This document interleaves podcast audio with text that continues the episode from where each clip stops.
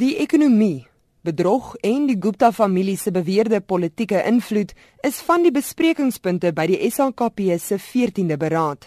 Die party se nasionale voorsitter, Senzeni Zokwana, het 'n sterk boodskap vir die ANC regering. We met at a time comrades when the president of the ANC has been advised to step down so that the ANC can be able to manage its problems without being tarnished by what has been described as the ANC that is corrupt. I believe that our main enemy of the NDR is corruption, is factions, is leadership who don't listen to structures.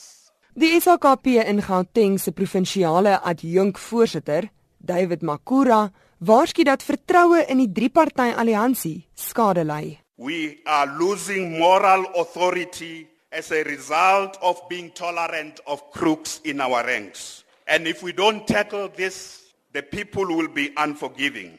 For its stance against state capture and corruption, the South African Communist Party must be prepared to endure insults, intimidation, as well as all kinds of threats. Because those who want corruption to thrive and state capture to thrive are going to fight back and they will fight back hard. Die SAKP se hoofsekretaris, Blyden Zimandi, sê die party voel verraai, veral nadat hy in 2007 sy steun aan die Zuma-faksie gegee het. Dit was in die tyd toe Thabo Mbeki uit die kussings gelig is. And we want to say this as the South African Communist Party, including speaking for myself personally. We feel a betrayal in terms of the understanding we had in Polokwane. That has been betrayed. Our trust has been broken. And we must learn a lesson as the SACP. Unless we root ourselves amongst the people, we can't just freely give trust, which when broken, things go haywire.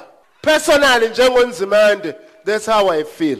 Nzimande sê die swak bestuur van staatsinstellings en die beweerde staatskaping is besig om die ANC se steunbasis te laat kwyn. Much, but not all of this popular decline is related to the almost daily revelation of I must say embarrassing scandals involving highly placed ANC politicians in government and particularly those who have been entangled with the notorious Gupta Empire, including the president's own family, unfortunately.